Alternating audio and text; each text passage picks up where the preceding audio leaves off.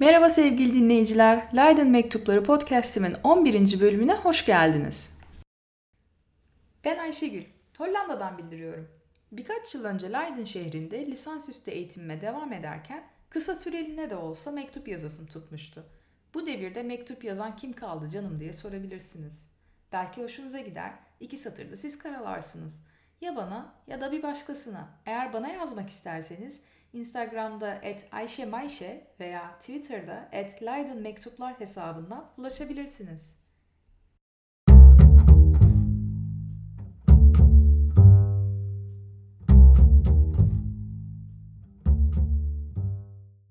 Birinci mektup 18 Kasım Pazar Canım, şu ana kadar hiç yapmadığım bir şey yapıyorum. Sana mutfaktan yazıyorum.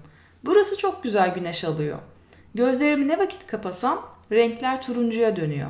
Ayaklarımı pencere pervazına uzattım. Yurdun avlusuna bakıyorum. Çok keyifliyim. Çünkü hava güzel ve yemeğim pişiyor. Hatta yanıyor. Yemeğimi yedim. Şimdi elimde mandalina var. Tezgahta da kaç günün birikmiş bulaşığı. Gökyüzü biraz bulutlanmış ama kuzeye doğru hareket ediyorlar. Bunu görebiliyorum. Sana farklı mekanlardan yazmak hoşuma gidiyor. Bu kez odamdan pek uzağa gidemedim. Ama bu küçük mutfağı seviyorum. Burada sık sık vakit geçiriyorum. Çiçeklerimin saplarını burada kesiyorum mesela. Bu işten keyif alıyorum. Komşularıma burada rastlayıp çene çalıyorum. H ileyken o pencerenin dışında sigara içer, ben içeride yemek yaparım. Her gece yatmadan önce çocuklar gibi bir bardak sütümü burada oturup içiyorum. Mobilya olarak sadece eski ahşaptan siyah bir sandalye var. Onun üstüne gece yarısı tüneyip bir bardak sütü 10 dakikada içtiğim oluyor. Çünkü içerken düşünüyorum. Bunu İstanbul'da da yapardım. Elimdeki bardağı unutur, dakikalarca pencereden dışarı bakardım. Sabah evden çıkmadan veya gece yatmadan önce. Kim bilir ne düşünürdüm. Hiç hatırlamıyorum. Bunlar insan hayatının farkına varılmayan detayları belki de. Ben neden bunları takılıyorum veya üstünde duruyorum bilmiyorum. Harcayacak çok boş vaktim var herhalde. Mektup burada bitiyor. İzlenimlerime gelince hani dönüp bakıyorum. hani biraz yazmışım ama sanki boş bir mektup gibi. Öyle mutfaktan yazmışım. Portakal, mandalina bir şey yemişim. Aa, yemek yapmışım, yakmışım. Ya bunu ben galiba hala yapıyorum bazen. Ocağın üstünde unutuyorum gidiyorum. Yap, kafamda bir sürü yapacak işim var. Ee, yemek yanıyor sonra. Ee, dibi tutuyor falan. Başka ne, ne yazmışım? Hmm, bakıyorum bakıyorum. Avluda ha he gelip or işte bende kalınca e, dışarıda sigara içermiş. Bunu bir şey yapıyorduk ya. Kütüphanede de hep sigara içerdi o dışarı çıkardık. Öyle cam kenarında takılmalarımız çok vardı. He ile niye görüşmüyorum acaba? İletişim koptu resmen. Çok yıllar olmuş. Gece süt içiyormuşum protein eksikliğinden ötürü. Hani yumurta, süt, et ve bunun gibi şeyleri e, eksik bırakmamak gerekiyordu. Çünkü Hollanda'da güneş pek yok hani D vitamini eksikliğinden.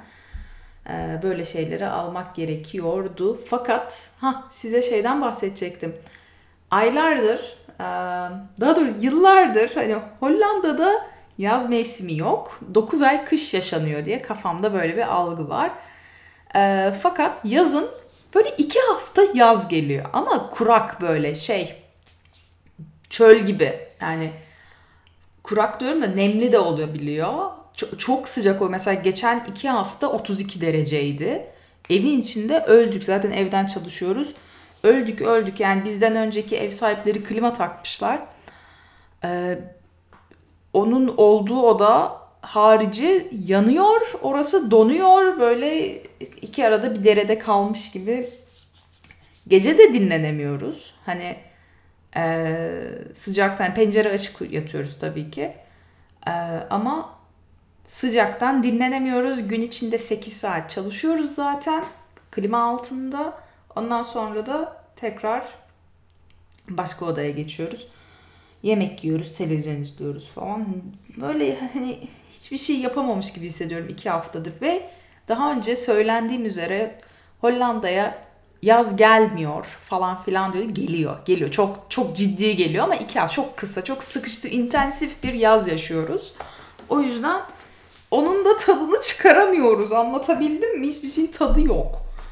Böyle hmm, yazdan dem vurduktan sonra başka ne yapayım? Düşünüyormuşum. Elimde bardağı tutup düşünüyormuşum. Yapılır öyle şeyler. Yani şu anda da hala insan dalıp gider bazen. O sıralarda da zaten tezle çok meşguldüm. Kafam ona takılıyordu. Başka şeyler de düşünüyordum falan filan. Ee, öyle yapıyormuşum. Başka ne anlatayım size bugünlerde Hollanda'da ne oluyor ne bitiyor. Hmm, korona ile e, pandemiyle ilgili bir update size güncelleme. Ee, Türkiye'de de olduğu üzere insanlar açıldılar, saçıldılar. Hiçbir e, neredeyse hiçbir mesafe e, önlemini e, ciddiye almayaraktan dışarılarda takılıyorlar. E, o yüzden sanki ya böyle m, birinci dalganın, salgının birinci dalgasının ya böyle sonundaki m, yüksek nokta ya da ikinci dalganın başlangıcı. Ben öyle görüyorum. Sonbaharda zaten alacak başını gidecek. Yani Eylül Ekim gibi alacak başını gidecek. O yüzden ben böyle hani ben de mi dışarı ben de çıktım. Temmuz sonu işte e, Ağustos başında biz de dışarı çıkıp e, mesafe koruyarak e, restoranda oturup bira içtiğimiz falan oldu yani. Bisikletle gidip geliyoruz zaten arkadaşlarımıza.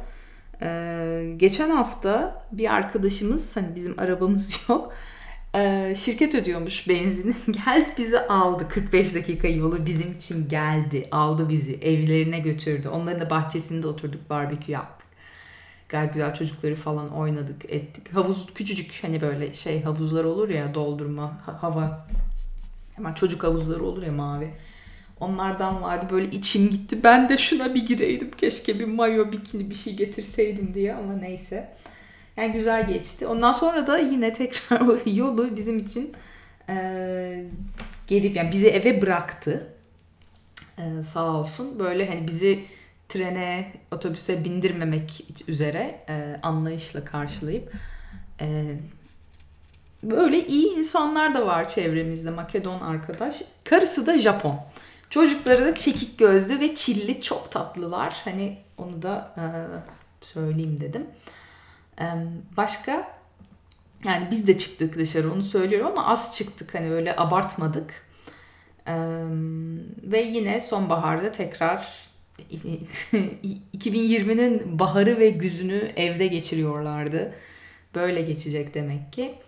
2021 inşallah ben de bir Türkiye'ye gelmek istiyorum yazın. Bir artık denize gireyim. Burada deniz yok mu? Var ama boğuluyor insanlar. Karadeniz gibi düşünün. Öyle dalgalık şey e, gri renkli, kumlu, şeyli bir kötü deniz, soğuk bir deniz ve yutuyor orada içindekini. Geçenlerde bir haber vardı. E, Polonyalı adamcağız çocukları kurtarayım diye gir. Kendi boğul. Böyle şeyler oluyor. Ee, o yüzden ben güvenmiyorum buradaki denize. Almanya'dan böyle bayıla bayıla geliyorlar. Kamp yapıyorlar bilmem ne yapıyorlar buralarda.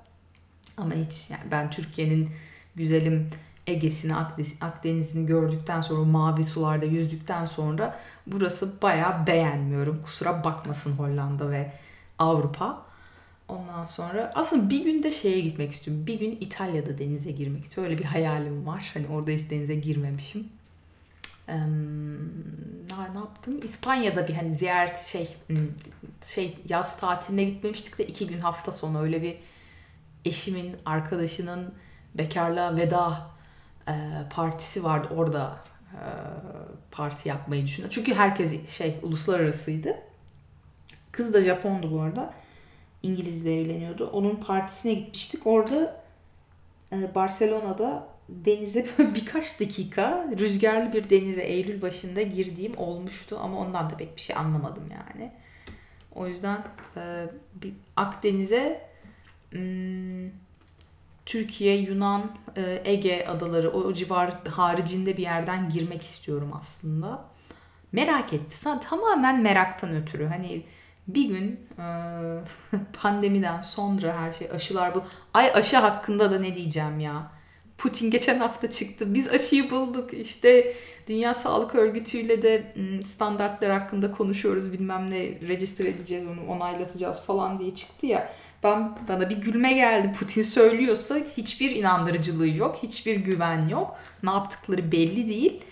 Yani inanmıyorum. Ben Oxford'un aşıyı e, bulmasını ve yani test edip onaylayıp e, şey topluma e, sür, sür ah ne denir ona e, yaygın kullanıma sürmesini bekliyorum. O da seneye belki daha da fazla uzun sürecek yani çünkü testler bitmeyebilir kaç ay süreceğini. Bilemiyorum bilim adamı, bilim insanı değilim ben. O yüzden e, bekliyoruz. Bekliyoruz, beklemekteyiz. Pandeminin e, çaresinin bulunmasını bekliyoruz. Putin'e de güvenmiyoruz, bayağı güvenmiyoruz. Başka ne anlatayım? Ee, pandemiyle ilgili. Hmm, işler iyi. Yani evden çalışma. Yani sıcak olmayaydı daha iyi konsantre olup e, e, daha güzel verim alabilecektim kendimden ama hmm, işte oluyor bazen öyle. Bazı iş arkadaşlarımız bu iki haftayı tahmin ettiler herhalde. Çok sıcak o baktılar şeye e, hava durumuna. Bu Ağustos'un ilk iki haftası çılgınlar gibi sıcak olacak. Ben yoğum dediler ve aldılar e, izinlerini evde çalışmadan oturdular. Ama onlar da herhalde e, evde yatıyorlardı ama çalışmıyorlardı en azından. Böyle bir sorumlulukları yoktu. Ben bir de ha, harala gürele bir şeyler yapmaya çalıştığım için e, ekstra yorulmuş olabilirim. Başka Hollanda ile ilgili yani bir göçmen olarak daha doğrusu aile birleşimiyle gelip hmm, göçmenlik yolları göçmenliğin taşlı yollarından geçen biri olarak ehliyet hakkında bir şey söyleyeyim. Şimdi Hollanda'ya siz eğer bir iş e, sponsorluğunda, bir şirket sponsorluğunda geliyorsanız ehliyetiniz al hadi bu da bizden olsun senin e, Türk ehliyetini hemen AB e, ehliyetine çevirelim. Olur ne güzel oh arabayla da e, gelmiştim zaten kullanabilirim falan diyebilirsiniz. Fakat aile birleşimiyle gelince güvenmiyorlar bize.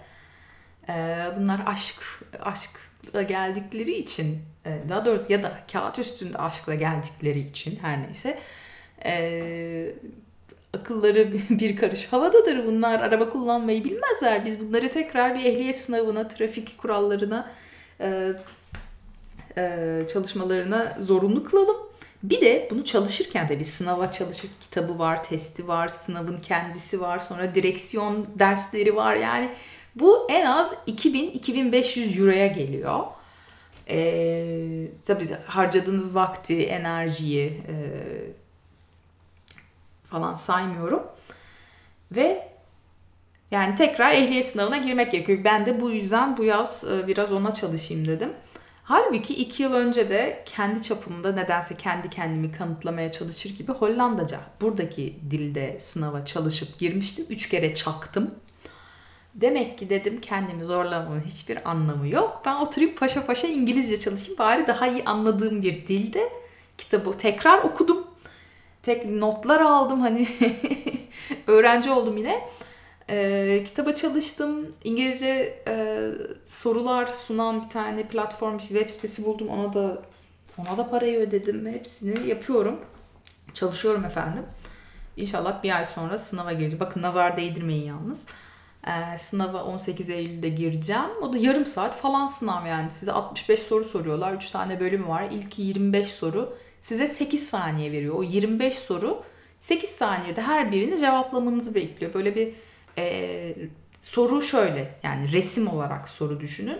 E, resimde direksiyonun arkasında oturuyorsun yani direksiyon gösteriyor size hızınızı gösteriyor sağ sol sinyaliniz var mı onu gösteriyor aynayı dikiz aynasını gösteriyor arkanızdan gelen giden var mı? Ve tabii camın önünde yolda ne var? İşte kamyon mu geliyor yaya mı geçiyor trafik ışığı mı var? İşte kavşaktan mı dönüyorsunuz? Kime yol vermeniz lazım falan filan. Böyle bir durum tespiti o sırada 8 saniye içinde size e, pedala mı aman pedal e, aa break ne Türkçesinde break'in çok kötüyüm e, frene mi basacaksınız e, gaz mı keseceksiniz yoksa hiçbir şey yapmadan devam mı edeceksiniz diye böyle 3 şık sunuyor size. Onu 8 saniyede cevaplamanız lazım.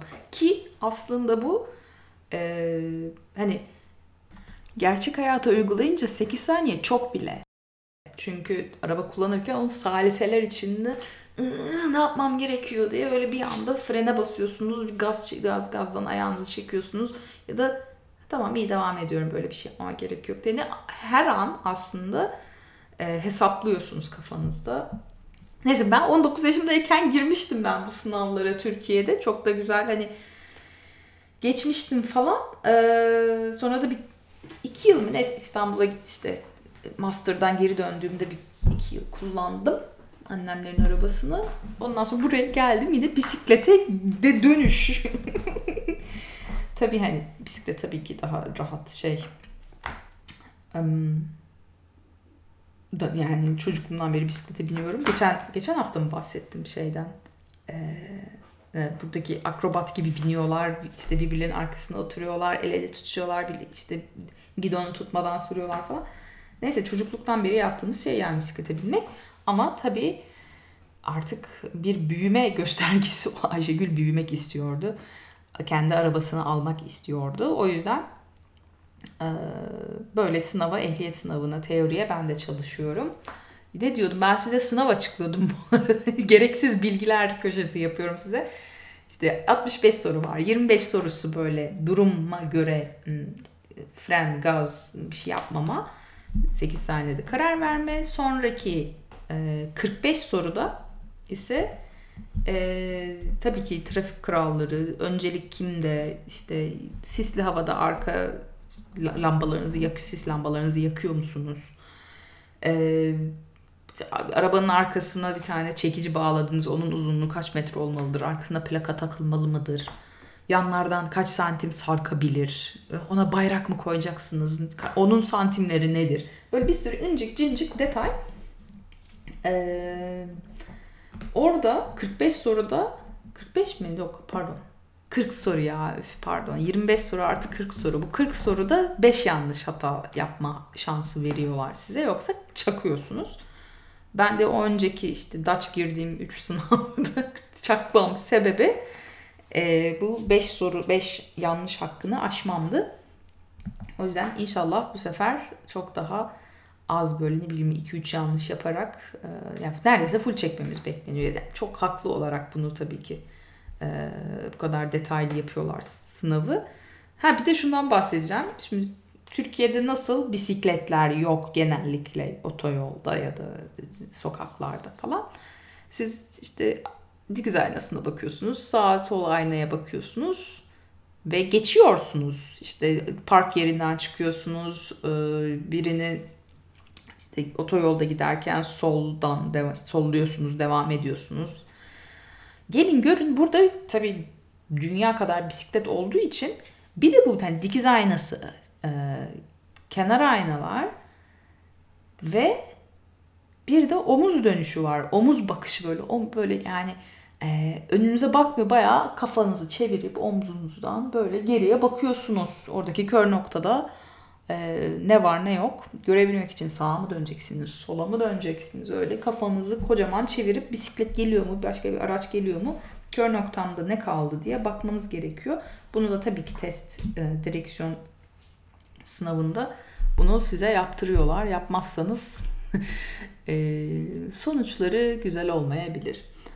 E, bu var.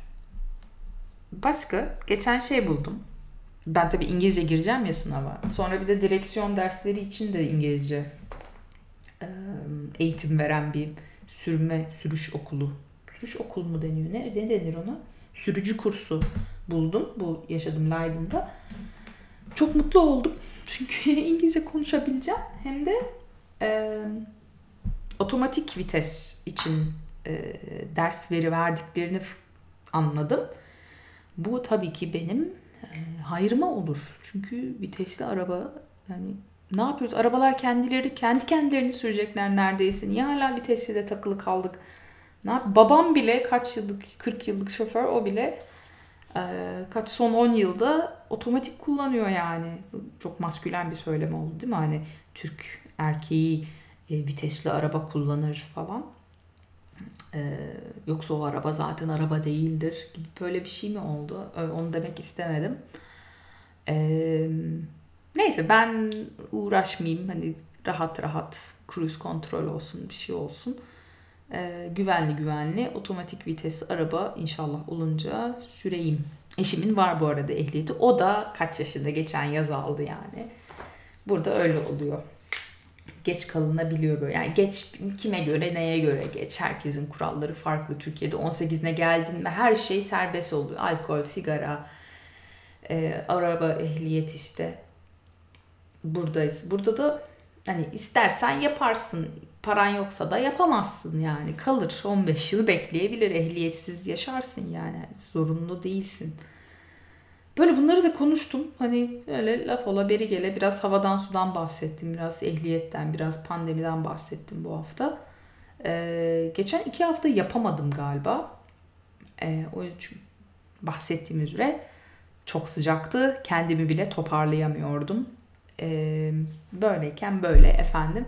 Dinlediğiniz için teşekkür ederim. Ee, haftaya kadar sağlıcakla kalınız. Sevgiler Ayşegül.